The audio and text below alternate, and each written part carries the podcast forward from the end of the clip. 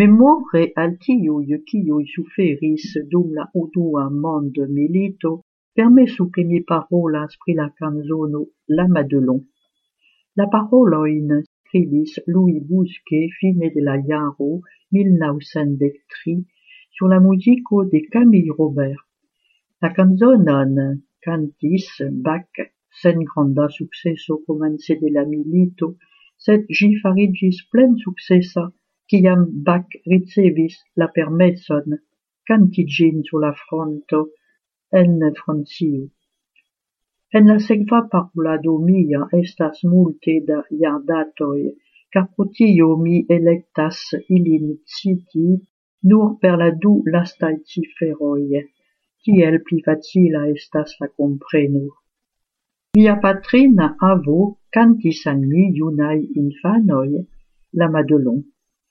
Li estis dudekjaraĝa en milnaŭsendekdu, do forlasis la kampojn de siaj gepatroj por militservi dum du jaroj.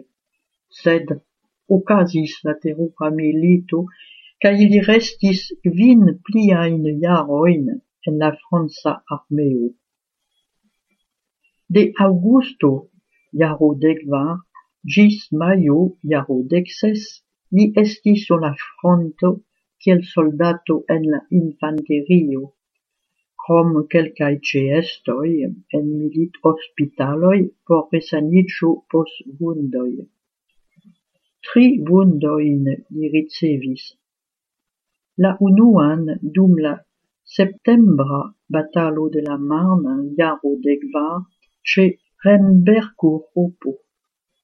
La duan dum la printempa batalo de la Eparge en la trancheo de Calonne, iaro de Gvin, cae la tria multe grava la liai en trancheo de Massigue en Champagne, maie de la iaro dexes.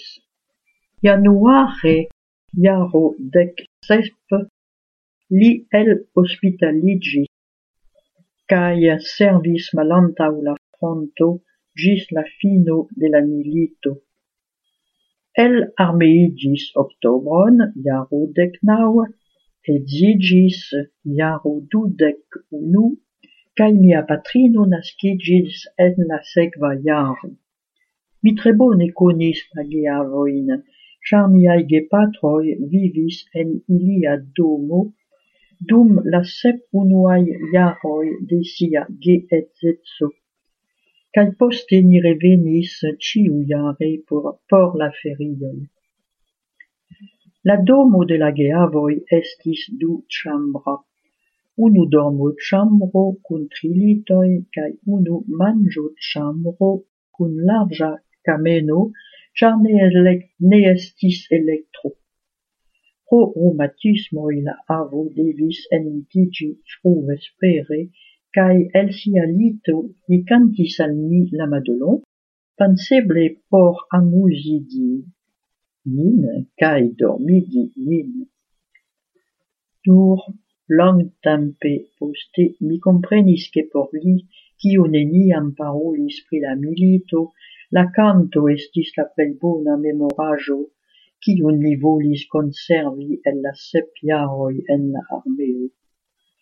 En meblo de lia domo mi malcovris enirain cae elirain biletoin de hospitaloi cie li ĉeestis, cae ciel mi povas parte segvilin en la jaroi, pri kiuj li ne parolis.